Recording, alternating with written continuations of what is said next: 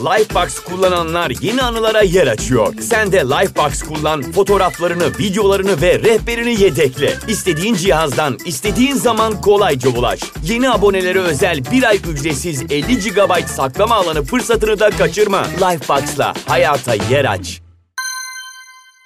Genel Sesler Podcast'inden herkese merhaba. Ben Bilge. Kendimizi bol bol sorguladığımız, yaşamanın daha iyi yollarını bulmaya çalıştığımız ve ne olursa olsun her bölüm yeni bir şeyler öğrenmek için çabaladığımız bu podcast'te hepiniz hoş geldiniz.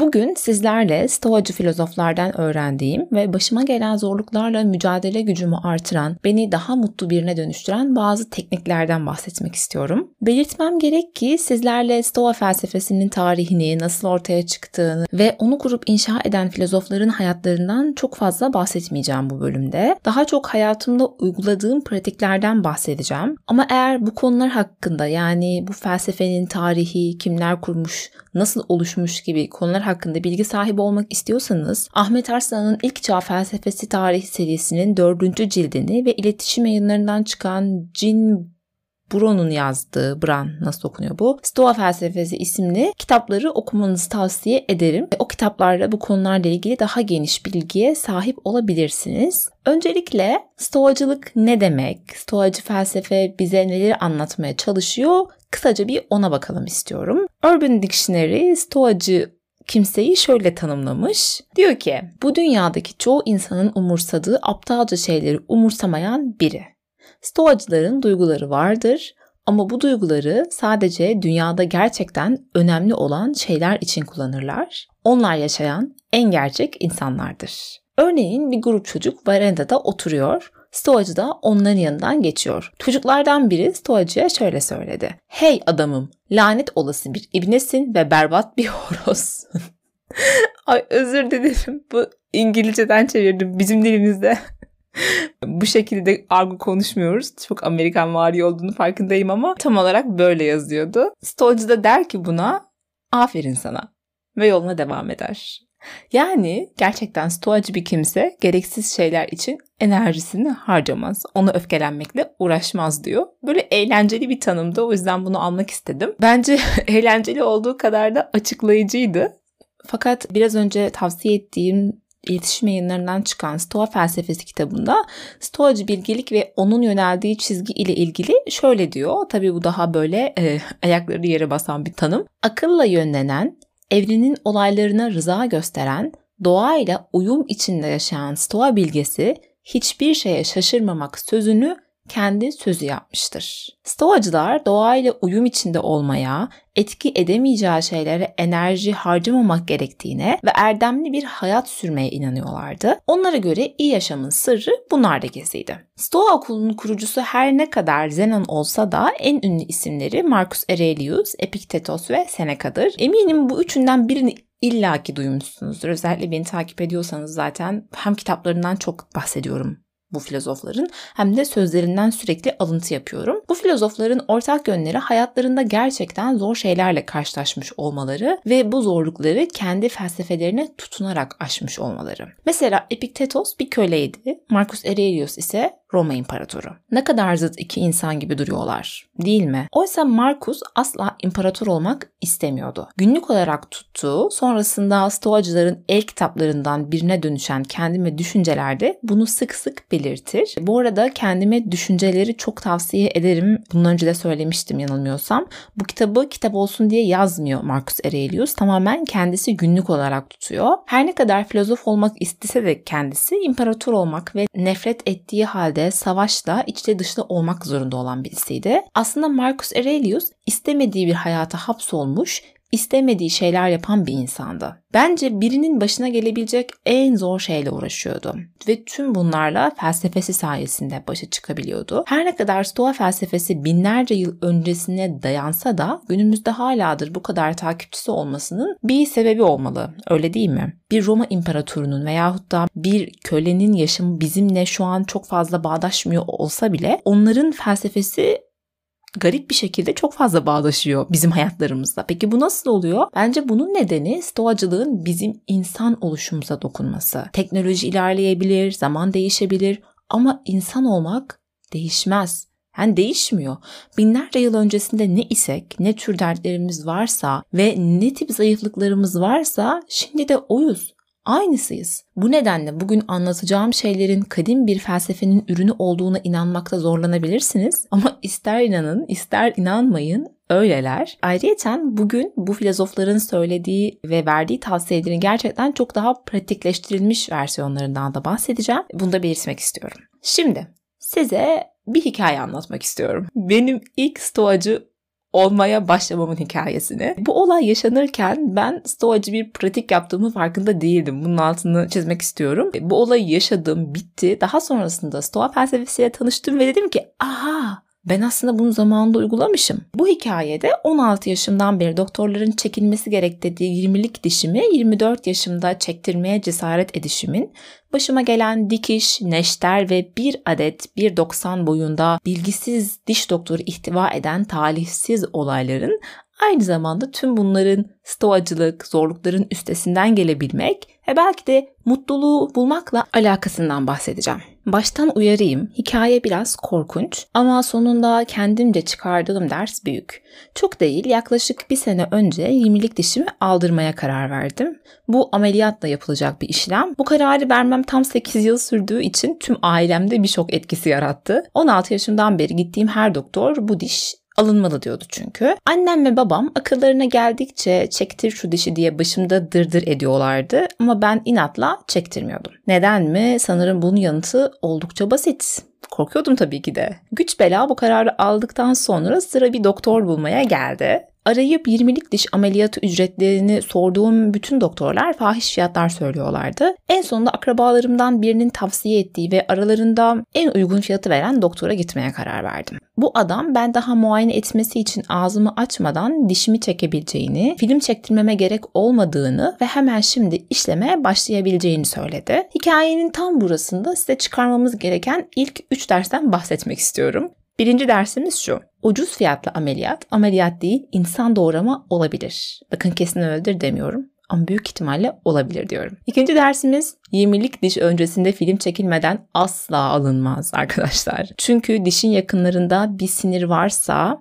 ve o sinir zarar görürse ağzınızda hissizlik oluşabilir ve daha kötü sonuçlara yol açabilir. Aman dikkat. Üçüncü dersimiz ise kendine aşırı güvenli görünen ve zor bir işi hemen o anda yapabileceğini söyleyen insanlara pek fazla güvenilmemelidir. Ama tabii ki de henüz bu hayat derslerinden hiçbirini almamış olan mahallenizin 24 yaşındaki safterik kızı olarak sedyeye uzandım, ağzımı açtım ve başıma gelecekleri beklemeye başladım. Şimdi burada hikayenin bazı kısımlarını atlıyorum. Çok fazla kan, tornavidamsı bir alet ve neşter içeriyor çünkü. Sedyeye uzanmamın üzerinden bir saat geçtikten sonra yaşananlarla devam etmek istiyorum. Ağzımın içinde neler döndüğünü aldığım morfinden dolayı hissetmesem de doktorun alnında biriken terlerden ve sıkıntılı halinden bir şeylerin ters gittiğini anlayabiliyordum. Adam kendi kendine tövbe estağfurullah falan çekiyordu ve neşterle sürekli ağzımda yeni kesikler açıyordu. En sonunda bu bir 90'lık dev gibi adam kolunu çenemin altından dolayarak kafamı iyice kavradı ve bir kerpetenle 20'lik dişime bütün ağırlığıyla asıldı. Artık bu dakikadan sonra morfin de pek etki etmemeye başladı. Tüm çenemden yüzüme doğru yayılan keskin bir acıyı hissettim. Ama kaçamıyordum. Çünkü doktor kafamı o kadar sıkı kavramıştı ki resmen böyle olduğum yere mıhlanmıştım ve kafamı oynatamıyordum dahi. Ben de en sonunda tamam dedim ya sanırım benim çenem koptu. Annemler bana küçükten beri çok konuştuğum için sen düşük çeneresin derlerdi. Heh dedim kendi kendime. Şimdi çenem gerçekten düştü. Sonunda insanlar beni düşük çeneli diye diye gerçekten düşük çeneli bir yapmış Olabilirler miydi? Bence olabilirlerdi. Çünkü o muayeneden çıktıktan sonra çenemin yerinde olacağına pek fazla inanmıyordum. Neyse alt çenemin artık koptuğuna emin olduğum o dakikalarda doktor kerpeteni elinden mucizevi bir şekilde bıraktı. Kolunu gevşetti ve ağzımı dikiş atmaya başladı. Ama garip bir durum vardı. Ortada çekilen herhangi bir diş yoktu. hatırlarsınız o sedyeye uzanmamın temel nedeni dişimi çektirmekte. Bu arada dişimi çektirmek diyorum ama o diş gömülü onu belirtmeyi unutmuşum. Yani görünürde bir diş yok ameliyatla alınıyor o yüzden. Tamamen damağın altında kalıyor. Dikişlerden sonra ağzıma birkaç tane de pamuk sıkan doktor gidip koltuğuna oturdu ve bana bir reçete yazmaya başladı. Kafası karışmış, şaşkın ördek yavrusu ben hocam diş çekildi mi diye sorunca doktor pişkin pişkin ha yok senin diş bayağı dişli çıktı Ay sinir oldum şu an. Sen şimdi git buna bir film çektir. Ağzın iyileşsin sonra gel dişini o zaman çekelim dedi. Ya aldığım morfinler sanırım beynimi uyuşturmuş olsa gerek ki elime tutuşturulan bir reçeteyle ağzımın içi paramparça kuzu kuzu muayeneden çıktım. Hiçbir şey demedim. Fakat dışarı çıktığımda beynime giden oksijenle aklım başıma geldi. Bu doktor bana ne yapmıştı? 20'lik dişim hala yerindeydi ve ben çok fazla zarar görmüştüm. Bu yaralar iyileşirken muhtemelen çok fazla acı çekecektim ve 8 yılda uzandığım o sedyeye bir daha ömür boyu uzanma cesaretini gösteremeyecektim. Ne yapmalıydım? Gidip doktora bağırıp çağırsa mıydım? Polise mi şikayet etseydim? İşe yarar mıydı böyle bir şey? Yoksa annem babamı arayıp onlara mı söyleseydim? Benim için bir şeyler yapmalarını mı isteseydim? Evet hikayemizin dönüm noktasındayız. Haksızlığa uğramış, yanlış insanların eline düşmüş ve yaralanmış bir haldeyim. Aslında bu hayatta da başımıza gelebilecek bir şeyin bence metaforu olabilir. Hepimiz kötü insanlarla karşılaşabiliriz hayatta yara alabiliriz ve zarar görebiliriz. Ama bu noktada bir şeyi fark etmemiz gerektiğine inanıyorum. Bunda bizim de payımız var. Yani mesela ben ne yaptım? Gidip özellikle ucuz bir doktor tercih ettim. Neden? E pintilikten. yani sanki bilmiyor muyum daha iyi bir doktora gitmem gerektiğini, o kadar çok para konusunda pintilik yapmamam gerektiğini, saçma sapan şeylere harcadığım parayı sağlığıma da rahatlıkla harcayabilmem gerektiğini biliyorum ama uygulamamayı tercih ettim. Sonrasında başıma bunlar geldiğinde de ağlamak ya da söylenmek bir şey ifade edecek miydi? Hayır. İşte burada aslında reaktif değil de proaktif bir insan olmayı tercih ettim ve hemen zihnimi çalıştırmaya başladım. Dedim ki kendi kendime bunların hiçbirisi işe yaramayacak. Senin şu an farklı bir çözüm bulman gerekiyor. Yakınlarda bir doktor bulabilir misin? İnternete girip baktığımda çok eskiden küçükken gittiğim bir çene cerrahının muayenehanesinin buraya yakın olduğunu gördüm. Bu adam aynı zamanda bir profesördü. Hemen muayenehanesini aradım. Dedim böyle böyle bir durum içerisindeyim. Bana yardımcı olur musunuz? Dediler ki hemen gelin. Yaklaşık bir 10 dakika yürüme mesafesinde olan bu muayenehaneye gittim. Doktor işte baktı ve dedi durum çok fena ağzının içi. Ama film çektirmek zorundasın ne olursa olsun. Öteki türlü bunu almaya cesaret edemem. Gittim bir şekilde filmi çektirdim o ağzımda nasıl yaptım ben de bilmiyorum.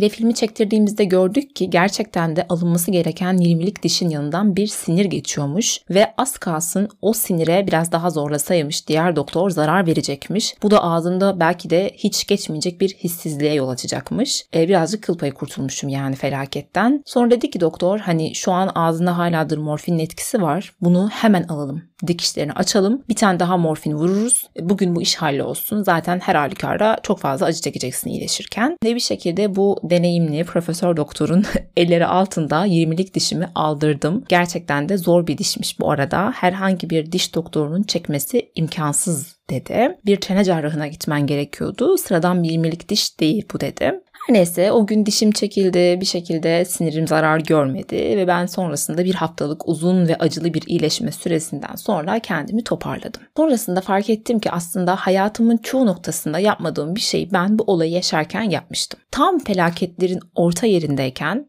etki edebileceğim alana odaklanmayı tercih etmiştim. Yani geçmişi değiştiremeyeceğimin farkındaydım. Olan olmuş, başıma gelen gelmişti ve o dakikadan sonra etki edebileceğim tek şey kendime yeni bir doktor bulmak ve bu duruma bir çözüm getirmeye çalışmaktı. Eğer ben o saniyede böyle proaktif bir insan olmaya karar vermemiş olsaydım o 20'lik diş haladır ağzımda duruyor olurdu. Ve bu da gerçekten sağlığım için iyi bir şey değildi arkadaşlar. Onu da belirteyim. Bu olayda stoacılığın aslında ilk maddelerinden birini kullanmış oldum. Lifebox kullananlar yeni anılara yer açıyor. Sen de Lifebox kullan, fotoğraflarını, videolarını ve rehberini yedekle. İstediğin cihazdan, istediğin zaman kolayca ulaş. Yeni abonelere özel bir ay ücretsiz 50 GB saklama alanı fırsatını da kaçırma. Lifebox'la hayata yer aç. Kontrol edebileceğim şeylere odaklandım. Epiktetos diyor ki mutluluk ve özgürlük kontrol edebileceğimiz şeylere odaklanmakla başlar. Buna şey örneğini de verebiliriz bu arada. Örneğin trafiktesiniz. Uçağa yetişmeniz gerekiyor. Fakat trafiktesiniz ve trafiği aşamıyorsunuz. Bu sizin elinizde olan bir şey değil. Uçak geçecek. Sizin o esnada öfkelenmeniz, bağırmanız, çağırmanız, sinir krizleri geçirmeniz bir şey ifade edecek mi? Hayır etmeyecek. O halde sakin olmamız daha mantıklı. En azından enerjimizi boşa harcamamış oluruz. Stephen Covey'in çok ünlü olan Etkili İnsanların Yedi Alışkanlığı isimli kitabında da şöyle bir tanımı var. Diyor ki etkili insanlar aynı zamanda proaktif insanlardır. Yani burada proaktiften kastımız etki alanına odaklanan insanlar. Bunu da bir daire şeklinde gösteriyor. Dairenin dış kısmında ilgi alanlarımız var. Orta kısmında ise etki alanlarımız var. İlgi alanlarımız şunlar olabilir. Başkalarının düşünceleri, başımıza gelen kötü olaylara hayıflanmak ya da ne bileyim bizim hakkımıza söylenenler, diğer insanların davranışları. Etki alanımızda ise neler vardır? Bizim bizzat etki edebileceğimiz şeyler. Yani mesela eğer sınavdan düşük not aldıysak dersi daha çok çalışmak. Eğer işlerinde performansımız düştüyse bununla ilgili neler yapabileceğimizi araştırmak. Eğer hastaysak bununla ilgili bir doktora gitmek ve aksiyon almak. Diyor ki etkili insanlar etki alanlarına odaklanırlar ve onu büyütmeye çalışırlar.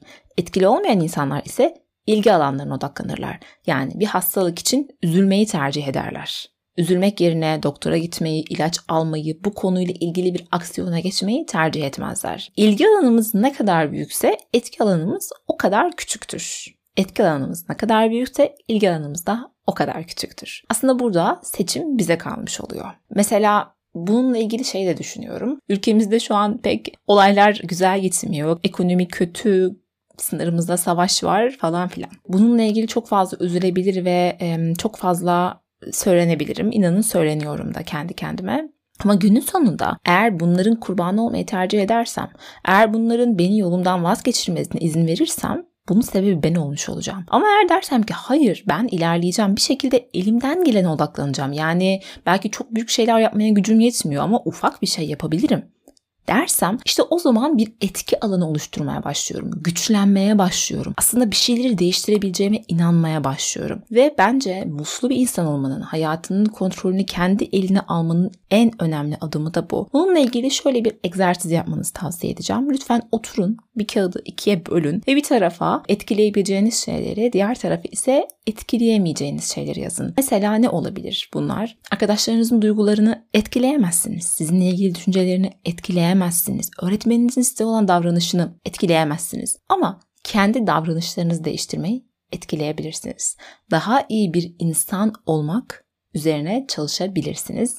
Bu ve bunun gibi şeyleri not edip de eğer karşılaştırırsanız bence bundan fayda görme olasılığınız yüksek. Ben şahsen bunu genellikle 2-3 günde bir yapmaya çalışıyorum. Sabah sayfalarımı yazarken bu şekilde kendime sürekli hatırlatmış oluyorum. Gücümün olduğu noktaları ve enerjimi nereye harcamam gerektiğini de görmüş oluyorum. İkinci maddemiz ise stoacıların bize tavsiye ettiği bir stoik meditasyon tekniği. Marcus Aurelius sabahları e, güne başlarken kendine şöyle dermiş. İşine burnunu sokan, nankör, saldırgan, hain, kıskanç ve asosyal insanlarla karşılaşacağım. Bunlar dünyadalar, varlar ve ben bunlarla karşılaşacağım. Ve ona göre davranacağım. Bu insanlarla baş edebilirim doğaya uygun davranarak erdemli bir insan olmayı tercih edebilirim. Tüm bu insanların kötülüklerine rağmen. Stoik meditasyon tekniğinde biz de Marcus Aurelius'un yaptığına benzer bir şey yapıyoruz. Diyoruz ki kendi kendimize bugün her türlü kötü şeyle karşılaşabilirim. Başıma her türlü kötü şey gelebilir. Ama ben bunların karşısında ne yapmayı tercih edeceğim? Ben bunu biraz panik atak ve anksiyete tedavisinde kullanılan maruz bırakma tekniğine benzettim. Orada da bizi panik atağa sürükleyen şeylere kendimizi maruz bırakıyoruz. Dışarı çıkmaktan tek başımıza korkuyorsak tamam diyoruz ya ben bunu kendime maruz bırakacağım ve dışarı çıkacağım bir şekilde ve buna mecburum. Diyelim ki sabah güne başladınız ve işe gideceksiniz. İş yerinde mobbinge maruz kalıyorsunuz. Bununla ilgili farklı aksiyonlar da alabilirsiniz ama diyelim ki o işe mecbursunuz ve bir şekilde gitmek zorundasınız. Başka seçeneğiniz yok. Belki şöyle diyebilirsiniz. Bugün çok kötü insanlarla karşılaşacağım. Bugün bana böyle böyle davranacaklar ve ben bunlara hazırlıklıyım. Şöyle şöyle davranarak, şunları yaparak bununla baş edebilirim. Bu mental güce sahibim. Epiktetos bununla ilgili şunu tavsiye ediyor. Geceliğin çocuğunuzu öptüğünüzde onların sabaha ölü olabileceğini hatırlayın. Yani bu şekilde ölüm geldiğinde şaşırmazsınız. Bence bu çok ekstrem çocuğun öldüğünü düşünme olayı. Ama bölümün başında söylemiştim ya stoacılar hiçbir şeye şaşırmamayı kendilerine düstur edinmişlerdir diye. Yani bu şekilde başınıza ölüm geldiğinde ya da başka felaketler geldiğinde şaşırmamanız hedefleniyor. Belki çocuğunuzun öldüğünü düşünmeyebilirsiniz. Bu ekstrem şey yapmayabilirsiniz. Ama diğer konularda bunu uygulayabilirsiniz. Mesela ben bazen bölümü yayına sokmadan önce şey diyorum kendi kendime. Bu bölümü yayınlayacaksın ama büyük ihtimal şöyle şöyle yorumlar gelecek ve bunlar geldiğinde şaşırmayacaksın. Çünkü geleceklerini biliyorsun. Bunlar olağan şeyler. Bence siz de bu yöntemi hayatınızdaki zorluklara şaşırmamak ve onlar geldiğinde hazırlıkta olmak için kullanabilirsiniz. Üçüncü tekniğimiz ise gönüllü olarak konfor alanımızdan çıkmak. Yani biliyorsunuz konfor alanımızda zaten bulunduğumuz müddetçe hiçbir şey başaramıyoruz. Bu imkansız bir şey. Ama eğer ki her gün gönüllü bir şekilde o konfor alanımızdan çıkarsak neler başarabiliriz, neler bir bilseniz. Seneca evi olan insanlara ayda bir defa dışarıdaki evsizler gibi yaşamalarını tavsiye edermiş. Bu şekilde korktukları şey yaşamış olup aslında o kadar da korkunç bir şey olmadığını görebileceklerini söylermiş. Aslında bu birazcık da tersini çevirme tekniğine benziyor. Yani şöyle diyelim ki bir şeyden çok fazla korkuyorsunuz. Bu evsiz kalmak olabilir, parasız kalmak olabilir ya da başka bir şey olabilir. Mesela ben parasız kalmaktan çok korkuyorum arkadaşlar.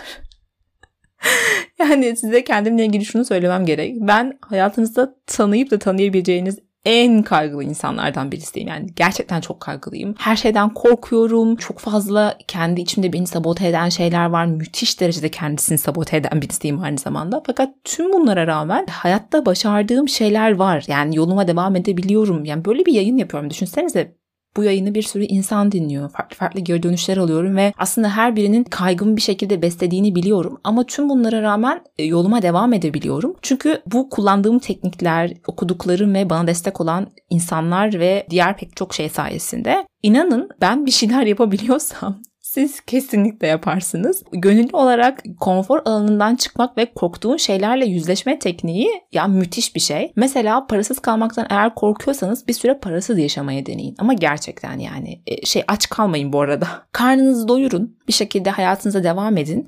Ama şöyle bir iki ay boyunca bakalım hiçbir şey almayın. Çok fazla böyle dışarıya çıkmayın, bir şey harcamayın. Çok düşük bir bütçeyle yaşayın. Ve göreceksiniz ki aslında o kadar da korktuğunuz gibi bir şey değilmiş. Yani bunu para üzerinden verdiğim örneğin ama farklı bir şey de olabilir. Aslında her şeyin üstesinden gelinebiliyormuş ve bir şekilde sonrasında hayat yoluna girebiliyormuş. Bunları göreceksiniz. Evsiz kalma olayını denemedim çünkü bence bu korkutucu olabilir bizim ülkemizde. Ama mesela parasızlığı denedim ya da farklı şeyleri de deneyebilirsiniz. Mesela işte internet olmadan yaşayamayacağınızı düşünüyorsanız bir süre internet hayatınızdan bir çıkarın. Bir bakın bakalım nasıl oluyormuş yapabiliyor musunuz? Günlük olarak da yani her gün bir pratik olarak konfor alanınızdan çıkmayı deneyimlemek de bence önemli. Mesela bu soğuk bir duş olabilir, spor salonuna gitmek olabilir, ders çalışmayı artık bırakmak istediğiniz o çok yorulduğunuz dakikada bir yarım saat daha çalışmak. O konfor alanınızın dışına çıkmak olabilir ya da hayır demekten korktuğunuz bir insana hayır demek olabilir. Bu şekilde her gün gönüllü olarak konfor alanınızdan çıkmayı pratik ettiğinizde aslında ne kadar güçlü biri olduğunuzu da keşfediyorsunuz. Mesela ben bunu şey olarak da yapıyorum. Sabahları bir saat erken kalkmak ya da ekstradan bir saat daha kitap okumak. Ama böyle zor bir kitap okumak. Keyif aldığım bir kitap değil. yani benim için geçerli bu durum. Ya da beni geliştireceğimi bildiğim ama zor gelen bir şeyi her gün yapmak için kendimi itelemek. Aynı aslında vücudumuzdaki kaslar gibi zor olan şeyleri yapabilme gücümüzde. Ne kadar çok onu çalıştırırsak o kadar daha iyi oluyoruz. O zor şeyleri yapmakta o kadar daha başarılı oluyoruz. Stoacıların bize öğrettiği mutluluk ve hayatımızın kontrolünü ele almakla ilgili dördüncü bir madde ise kendimize ve olaylara geniş bir perspektiften bakmak. Hayatımızı yukarıdan izlemek. Aslında hepimiz biliyoruz ki evren kocaman ve bizler küçücüğüz. Ben bundan bir bölümde daha bahsetmiştim. Yanılmıyorsam cesaretle yaşamak bölümünde olmalı. Carl Sagan'ın Soluk Mavi Nokta hikayesinden aslında dünyamızın ne kadar küçücük olduğunu uzaydan soluk bir mavi nokta gibi göründüğünü ve daha da uzağa gittiğimizde aslında yok olduğunu, bizim de o noktanın içerisindeki sadece zerrecikler olduğumuzu söylemiştim. Daha doğrusu Carl Sagan böyle söylüyor. Küçücüğüz. Marcus Aurelius bununla ilgili hatta şey diyor. Öldükten sonra sahip olabilecekleri önü düşünüp de heyecanlanan insanlar onları hatırlayanların da bir gün öleceğini hep unuturlar. Ne kadar öne, şöhrete ya da bir şeylere sahip olsak da ve öldükten sonra bu arkamızdan konuşulacak olsa dahi bir gün bunu konuşanlar da ölecekler. Herkes ölecek. Yani bundan 100 bin yıl sonra hiçbir şeyimiz hatırlanmayacak. Yok olacağız. Bu yüzden eğer bu tip şeylere takıntınız varsa yani daha fazla bilinmek, daha fazla ünlü olmak ya da bazı şeyleri çok fazla üzülüyorsanız bunu hatırlayın. Ya bir gün öleceksiniz. Üzüldüğünüz herkes ölecek. Sizi üzen herkes ölecek. Ve aslında gerçekten küçücüksünüz. Bir zerresiniz. Bu demek değil ki hayatınızı ve yaşadıklarınızı küçümseyin. Ama biraz da farkına varın diye söylüyorum. Bazen benim böyle anksiyetem çok fazla azdığında ve olaylarla baş edemeyecekmişim gibi hissetmeye başladığımda kendime bunu hatırlatıyorum. Diyorum sakin ol. Bu da geçecek Baksana her şey gibi bu da geçecek. Bir gün sen de geçeceksin ve öleceksin. Var ya çok ünlü bir söz. Memento mori. Ölümü hatırla diye. Ölümü hatırlamak. Sonlu olduğumuzu hatırlamak. Biz değil, içinde yaşadığımız bu dünyanın ve bütün bu Samanyolu galaksisinin güneş sisteminin de sonlu olduğunu hatırlamak bence bir noktada sakinleştirici bir etkiye sahip. Bir gün güneşimiz de ölecek. Ve bizim güneşimiz öldüğünde ki bu milyonlarca yıl sonra olacak olsa dahi olacak bu galaksi yok olacak. Bunları düşünün ve dertlerinizin aslında o kadar da büyük olmadığını hatırlayın lütfen. Son ve en sevdiğim madde ise günlük tutmak. Biliyorsunuz ki Marcus Aurelius'un Kendime Düşünceler kitabı aslında bir günlüktür. Biz onu okuyalım, bu kitap olarak basılsın diye yazmamıştır. Seneca da aynı Marcus Aurelius gibi akşam yatmadan önce herkes yattıktan sonra günün muhasebesini yapıp bir günlük tutarmış. Yani yazı yazarmış. Benim bütün bu pratiklerin arasında en düzenli olarak yaptığım şey aslında bu beşinci madde. Günlük tutma işi yani. Sabahları da tutarım, akşamları da tutarım. Çok sık bahsettiğim sabah sayfaları vardır e, güne başlar başlamaz 3 sayfa yazmak. Bazen bunu yapıyorum. Hatta çoğunlukla bunu yapıyorum. Ama arada bir de daha farklı yöntemlerde izliyorum. Yine takip ettiğim bir YouTuber diye yanılmıyorsam bir böyle soru listesi paylaşmıştı. O listeden soruları yanıtlamaya çalışıyorum sabahları ve akşamları yatmadan önce ara ara. Gerçekten kimden olduğunu hatırlamıyorum. Eğer hatırlarsam aşağıya yazarım. Ben de bu soruları PDF olarak sizlerle paylaşmak planındayım. Umarım bunun için vaktim olur. Eğer PDF olarak paylaştıysam açıklamalar kısmına link bırakmışımdır. Orayı bir kontrol edin. Eğer yoksa hiç vaktim olmamıştır ve hazırlayamamışımdır. Şimdiden bunun için üzgünüm. Diyelim sabahleyin uyandınız ve 3 sayfa yazacak gibi bir vaktiniz yok. Hemen kendinize pratik olarak şu soruları sorabilirsiniz. Birincisi şu. Ne rüya gördüm? Rüyalar gerçekten çok önemli. Bundan yaratıcılık bölümünde de bahsetmiştim. Bize bizim hakkımızda ben bir şeyler söylediğine inanıyorum ve aynı zamanda rüyaları yazmanın yaratıcılığı çok ama çok beslediğini düşünüyorum. Ben bazen İster inanın ister inanmayın. Burada konuşacağım şeyleri rüyamda görüyorum. Hani böyle şey gibi değilim tabii. Rüyasında işte ünlü şarkısının notalarını gören şarkıcılar var. Kendimi onlarla kıyaslamıyorum ama benim bu kendime ait küçük yaratıcı dünyamda büyük etkileri olan bir şey. İkinci sorumuz ise bugün benim şükran duyduğum üç şey nedir? Dördüncü sorumuz bugün neyi yapmayı planlıyorum ve kontrolüm altında olan, yaptığımda beni mutlu edecek olan şey nedir? Diğer sorumuz eğer daha farkındalıklı, daha özgür ve daha cesur bir hayat yaşasaydım şu an ne yapıyor olurdum? Bence bu soruyu asla atlamayın. Son sorumuz ise bugün odaklanmam gereken en önemli tek şey nedir? Arkadan gelen kuş sesi için bu arada üzgünüm arkadaşlar. Sabahları bu soruları yanıtlayarak bence daha farkındalıklı ve daha güzel bir güne başlayabilirsiniz. Geceleri yatmadan önce de bence bir ne diyorlar buna? Günün yorumlamasını yapmak, günü nasıl geçirdiğini muhasebesini yapmak çok önemli. Akşamları da şunları yazabiliriz. Hemen sorularımıza geçeyim. Bugün yaptığım en iyi 3 şey. Ne yaptım en iyi? Yani mesela ödevimi tamamladım, annemi aradım, kardeşim için yemek pişirdim gibi bir şeyler olabilir. Bugün öğrendiğim tek bir şey. Ne öğrendim? Çünkü biliyorsunuz her gün yeni bir şey öğrenmek bence çok önemli. Yani neden o günü yaşadınız? Diğeri ise bir şeylere direniyor muyum? Yani bugün bir şeyleri yapmaya direndim mi ve bu direndiğim şey nedir? Neden direnç gösteriyorum? Günümdeki en güzel an, bugünün o güzel anının kısa bir hikayesi nedir? Bunu yazabilirsiniz. Ve son olarak da bilinçaltınıza uyumadan önce neyi yerleştirmek istiyorsunuz? Yanılmıyorsam Carl Jung'un bununla ilgili bir sözü vardı. Çok yanlış söylüyor olabilirim bu arada ama şu minvaldeydi. Gece yatmadan önce eğer bir şeyleri bilinç altınıza istek olarak bırakmıyorsanız aslında boşa uyuyorsunuz ya da mantıksız bir şey yapıyorsunuz gibi bir şeydi. Yani Olayın felsefesi şu arkadaşlar kısaca.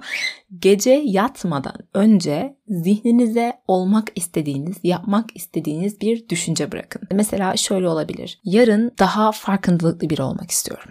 Yarın daha yaratıcı bir gün geçirmek istiyorum. Ya da daha disiplinli birisi olmayı diliyorum. Bazen sorularınızın yanıtlarını ya da olmak istediğiniz kişiye nasıl dönüşebileceğinizi yanıtlarını rüyanızda görebilirsiniz. Çünkü biz insanlar çoğunlukla bilinç altından hareket eden varlıklarız. Bilinç altımızın yönlendirmesiyle yaşıyoruz. O yüzden uykunuzda kullanabileceğiniz bilinç altınızın gücüne bence güvenin ve bir deneyin bakalım sizde işe yarayacak mı? Evet, bahsedeceklerim bugünlük bu kadar. Benim stoacılıktan öğrendiğim ve her gün pratik etmeye çalıştığım şeyler kısaca böyleydi. Eğer daha fazla kitap okumak isterseniz stoacılık üzerine Seneca'nın ahlak mektuplarını, bölüm içerisinde sık sık tekrar ettiğim Marcus Aurelius'un kendime düşüncelerini ve Seneca'nın yaşamın kısalığı üzerine bir de Bilgeliğin Sarsılmazlığı üzerine isimli kitaplarını çokça tavsiye ederim. Eğer okursanız çok fazla şey öğrenebileceğinizi ve daha sakin, daha mutlu bir hayat yaşayabileceğinize inanıyorum. O halde ne diyeyim efendim? Sakinlikle kalın, kendinize iyi bakın, hoşçakalın.